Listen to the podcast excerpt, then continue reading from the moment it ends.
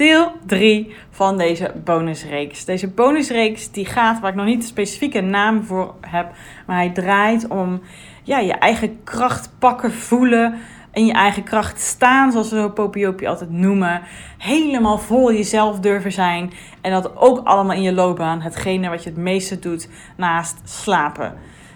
Um, tenminste, ik hoop dat je net zoveel slaapt als dat je werkt, want dat is gezond. nou heb ik de vorige aflevering echt afgesloten met een soort van rant. Omdat ik er helemaal in zat en nog zit hoor. Uh, omdat ik zo zie dat zoveel mensen maar constant hun leven maar half leven. Hun werk maar half doen. Zichzelf maar klein houden. En oh, dat doen vanuit vroegere patronen. Allemaal zo begrijpbaar. Don't get me wrong. Zo begrijpbaar. Maar kom op jongens. Geef jezelf een liefdevolle schopje onder de webs. en uh, durf te gaan voor jezelf. Want anders ga je spijt hebben later, als je hopelijk grijs en hopelijk nog gezond, maar en oud bent, ga je spijt hebben van de dingen die je niet gedaan hebben. We hebben nooit spijt van de dingen die we wel gedaan hebben, want er zit altijd wel een les in. Liever vallen met je kont op de grond dan uh, ja, het niet gedaan hebben. Altijd in je hoofd hebben van wat als, wat als ik dit had gedaan. Dat is ook echt, nou ja, mooi gezien, natuurlijk gezien, het thema van deze aflevering. Ik kan me voorstellen dat jij um, misschien was of nog steeds bent, heel erg bang kan zijn om te falen. En dan kan je denken, ja, ik heb helemaal geen faalangst. Nee, waarschijnlijk niet op die manier. Misschien ook wel. Maar heel vaak zijn mensen dat je jezelf klein houdt, omdat je bang bent voor die afwijzing. Je bent bang dat mensen tegen jou zeggen, huh, wat doe je nou voor rare dingen? Of dat je iets doet en dat je denkt, ik ga er met volle overtuiging in. En dan flopt het. En die kans op dat het flopt, of als je durft te zeggen waar je kwaliteiten zitten in een sollicitatiegesprek. En dat ze dan aan gaan kijken van, nou, durf jij nou zo arrogant te zijn? Uh, zo iemand willen we niet hoor. Ik zeg maar wat hè. En dat je het daarom maar niet doet. En dat je daarom maar jezelf ook inhoudt daarin. En dat je dan tegen jezelf zegt: Ja, ik ben gewoon zo bang als het fout gaat. Ik ben zo bang om te falen. Ik ben zo bang, wat als het niet gaat lukken? Dat. Ja, ik ken dat. Ik heb het ook heel lang tegen mezelf gezegd. Dat ik daarom ook dingen niet durfde. Want ik moest er eerst 100% zeker van zijn dat het, dat het uh, succes ging worden. Dat ik het kan. Dat er in ieder geval minimaal voldoende uit zou komen als ik het op me zou nemen. Ja, maar weet je wat je daarmee doet? Dan ga je heel veel dingen niet beginnen, toch? Want je weet van tevoren gewoon niet waar het schip strandt. Je weet niet hoe het eindigt. Je moet er gewoon mee starten. En dan zie je het vanzelf wel. En wat ik net al zei, worst case scenario, dan heb je een les geleerd. Dat is alleen maar hartstikke tof. En wat heb je gedaan? Ja, misschien dat je er iets van geld misschien ingestoken hebt, tijd ingestoken hebt, moeite ingestoken hebt. Maar ik denk dat de les die eruit haalt veel waardevol is. Ik heb het soms ook wel eens. Ik heb zelfs, um, ik denk iets van zes jaar geleden, ik weet niet meer hoe lang geleden, een keer een business coach in de arm genomen. Um, via zo'n challenge die ze deed of zo, had zij. Uh, en dat voelde goed. En ik dacht, ja, ik wil inderdaad. Ik ben net fulltime begonnen met, met mijn bedrijf. Ik doe het nu al even. En het voelt een beetje als kabbelen. Ik wil er nu echt werk van maken. En dat heeft me echt wel een paar duizend euro als investering. Ik was er klaar voor. Als ik nu achteraf, als je met mijn hoofd zou kijken naar wat me dat opgeleverd heeft, kan je denken, ja, niet superveel. Maar wat het voor mij zelf in mijn proces heeft opgeleverd, echt best veel echt best veel. Want ik zat toen nog in een. Uh, oh, dit is trouwens niet waar. Ik was toen dat was net nog voordat ik. Was tijdens het proces dat ik nog parttime werkte. Dat was. Nee, ja, nu vallen de kwartjes weer. Daarna ben ik in overspannenheid gekomen. Dat was het. Dus het heeft me zeker heel veel gebracht. Want daardoor is dat gekomen. En dat heeft me ook weer heel veel gebracht, die overspannenheidsperiode. Um, maar ik was toen nog parttime aan het werk. En um, als decaan op een middelbare school. En had mijn uh, loopbaanbegeleidingscoachingsbedrijf ernaast. En ik wilde het meer gaan oppakken. Maar ik, het zat gewoon zo niet lekker. Ik had freelance coach die voor mij werkte. En dat liep gewoon echt niet. Ik wilde graag met hen samenwerken. Maar ik voelde gewoon niet dat ik en met hun kon samenwerken. En een soort van hun baas was. En vanuit hun kant kreeg ik constant maar feedback en kritiek. En dat nam ik enorm persoonlijk allemaal. En dat zat me, ja, het kostte me zoveel energie. Ik heb zoveel gehaald deed me zoveel pijn. En toen dacht ik, ja, maar dit gaan we anders doen. En door dit traject, dat was niet de insteek, maar door dit traject ben ik gestopt met die coaches. Het was hangen en wurgen, trekken en duwen. Het was voor niemand goed. Het was een win-win situatie voor iedereen dat ik daarmee gestopt ben. En het was zo bevrijdend. En dat is de grootste winst die ik uit dat traject heb gehaald. Als ik dat traject niet had gedaan, was het ergens ook alweer gebeurd, maar op een minder fijne manier.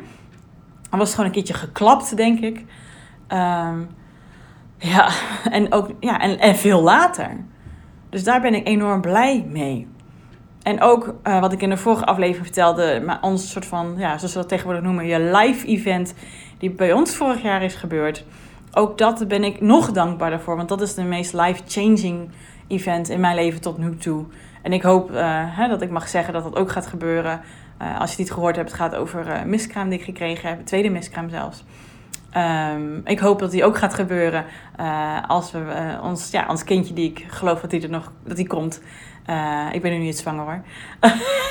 maar die komt, dat gaat gebeuren. Als die er is, dan, dan weet ik dat het ook een life-changing moment gaat zijn. Het gaat ook met, met emoties. En dat, dat, dat is gewoon zo. Maar dat krijg je net weer een verdiepende laag in je leven. Ik weet dat het gewoon zo is. En ook dit. En ik ben daar zo dankbaar voor. Maar ik dacht altijd, ik deed zo, dit, dit heeft ervoor gezorgd dat het kantelpunt is gekomen ook waardoor deze podcast zo tot, zoals die nu is tot stand is gekomen. En ook deze bonusreeks uit voorgekomen is. Ik dacht altijd dat ik gewoon heel erg bang was om te falen. En waarom, wat deed ik dan als ik heel erg bang was om te falen? Constant zoeken naar zekerheid en controle.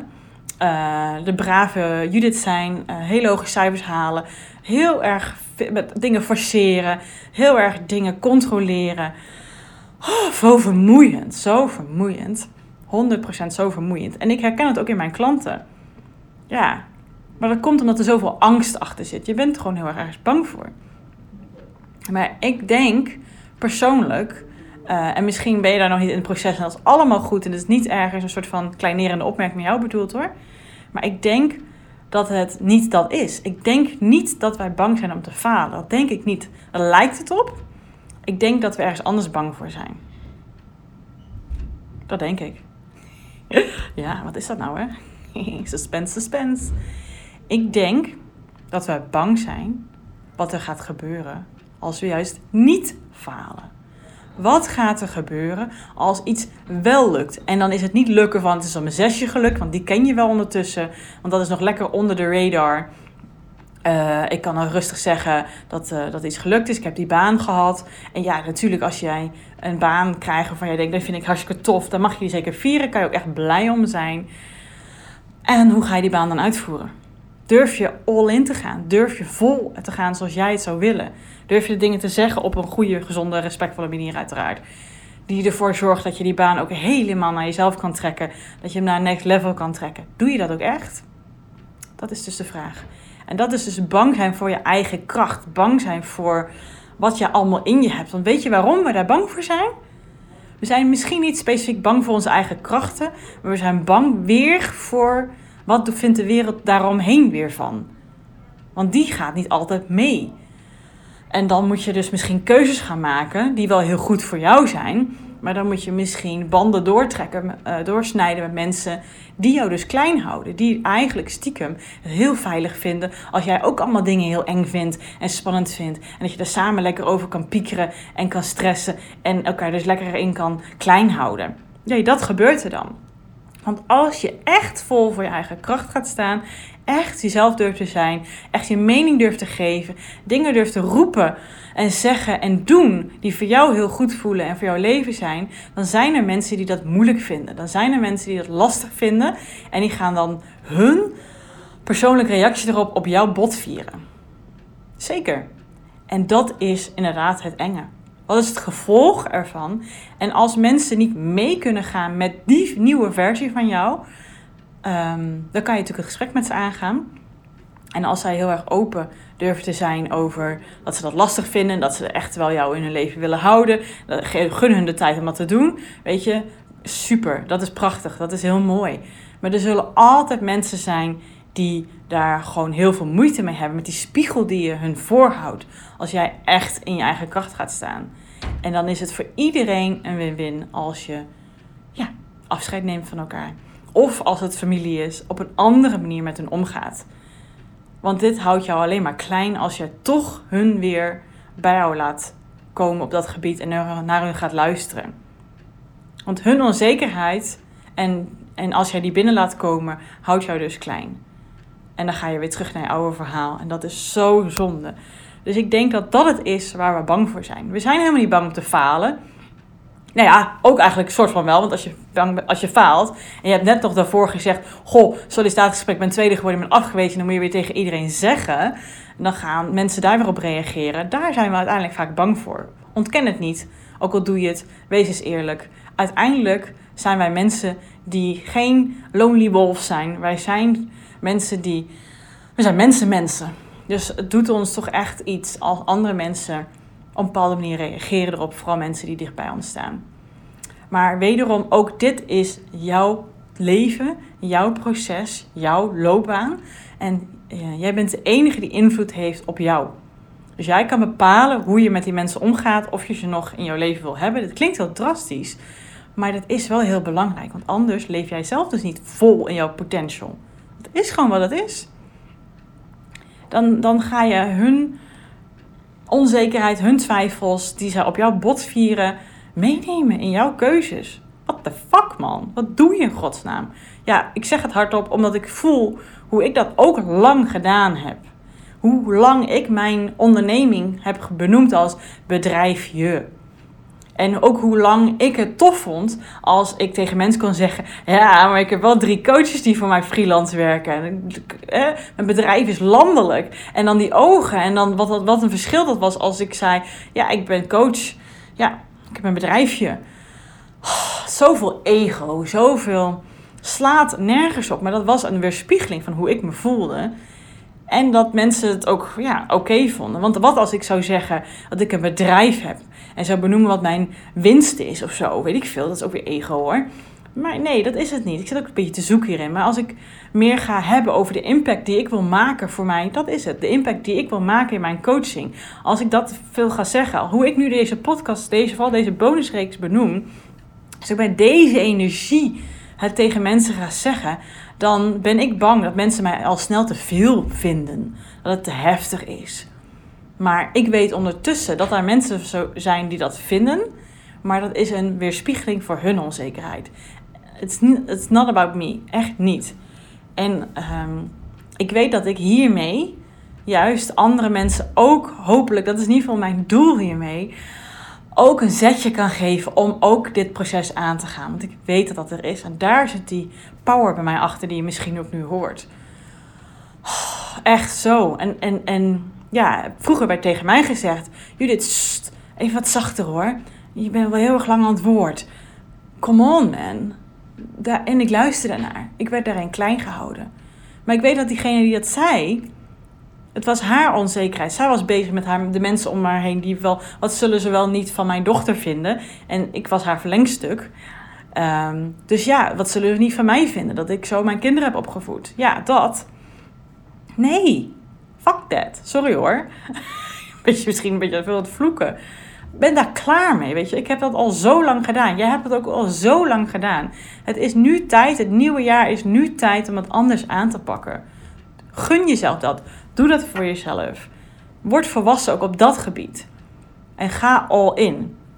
En zie het dus als niet dat je bang bent om te falen. Want jij weet ook echt wel dat falen alleen maar lessen gaat geven. En alleen maar um, inzichten. Waardoor je de volgende keer als je iets probeert, uh, uh, ja, dat het fijner verloopt. Maar own je eigen kracht, own je natuurlijke talenten, own jouw mening. En nee, het is niet de bedoeling dat je als een bulldozer over mensen heen gaat. Dat is wel een klein beetje waar ik nu de fase in zit. Dat ik soms een beetje fel uit de hoek kan komen. maar dat is mijn proces en mijn man krijgt de volle lading. Maar hij snapt, hij weet waar het vandaan komt. Dat betekent niet dat ik het daarmee excuseer. Ehm, maar ik ben me er ook steeds meer van bewust. Maar ik voel die kracht zo duidelijk. En ik ben niet meer bang wat de mening van anderen daarover is. Want ik weet dat de mensen die ik nu aantrek vanuit deze energie. En ik zie ook de mensen die um, het voorheen moeilijk vinden, ook dit wel een soort van mooi vinden. Dus het is ook eigenlijk je eigen onzekerheid erover of mensen daar wel in mee kunnen gaan. Dat kunnen ze meestal wel. Dus denk echt niet dat dat. Maar dat is gewoon zo. Ik heb ook een eigen klant die zegt dat ook. Als ik vol in mijn eigen kracht ga staan, ben ik gewoon heel erg bang wat voor gevolgen dat voor andere mensen gaat hebben. Ja, het interessante is, het gaat nooit zijn wat jij denkt dat het gaat zijn. Meestal vinden de meeste mensen dat echt geweldig. They're rooting for you. 100%. En natuurlijk zit er een stukje van hunzelf in. Maar dat is hun verantwoordelijkheid om om te gaan. Dus als jij uh, werkt ergens en je kan kans hebben op promotie bijvoorbeeld. Maar je denkt, oh joh, wat zullen ze niet van mij vinden? Ik zit misschien nog op een junior positie. Maar je voelt dat je het kan. Je voelt dat je naar jou, wat, wat jij allemaal met die positie kan. Vertel dat ook gewoon. Leg dat ontspannen en rustig uit. Neem dat serieus. Maak ook een plan van, als zij zien dat jij het serieus neemt, gaan ze het ook eerder geloven. En leg het op tafel. Het kan zijn dat ze toch nog zeggen: Goh, weet je, we vinden het toch nog een stapje te ver. Maar dan heb je ambities uitgesproken. En zullen ze meer met je meedenken om daarheen te gaan. Want ze hebben jou gezien. Je hebt jezelf in het licht gezet om daar op dat pad te zetten. Maar als je iedere keer denkt: Ja, nee, dat kan ik niet. En Pietje Puk die wil het waarschijnlijk, dus dan krijg ik het weer niet. Ja, en dan ga je weer. Sta vol in je eigen kracht. Doe het nou eens. Wees volwassen, anders ga je spijt hebben aan het einde van het leven van alle kansen die je niet gepakt hebt. Doe dat. Goed. Dit was de uh, derde van de vier uh, luik, hoe moet je dat noemen, uh, van deze bonusreeks. Ik merk dat ik ook aardig al een klein beetje zit in aflevering 4, maar we gaan gewoon lekker door. En daar zit nog een mooie dimensie in waar ik je daarin meeneem. En hopelijk neem je dit mee in het nieuwe jaar. Maar wanneer je dit ook luistert, Misschien luister je dit veel later dan ik het opneem. Dit kan je elk moment oppakken. Dus het hoeft geen nieuwjaar te zijn hiervoor. Goed, tot morgen. Tot de vierde, het vierde deel.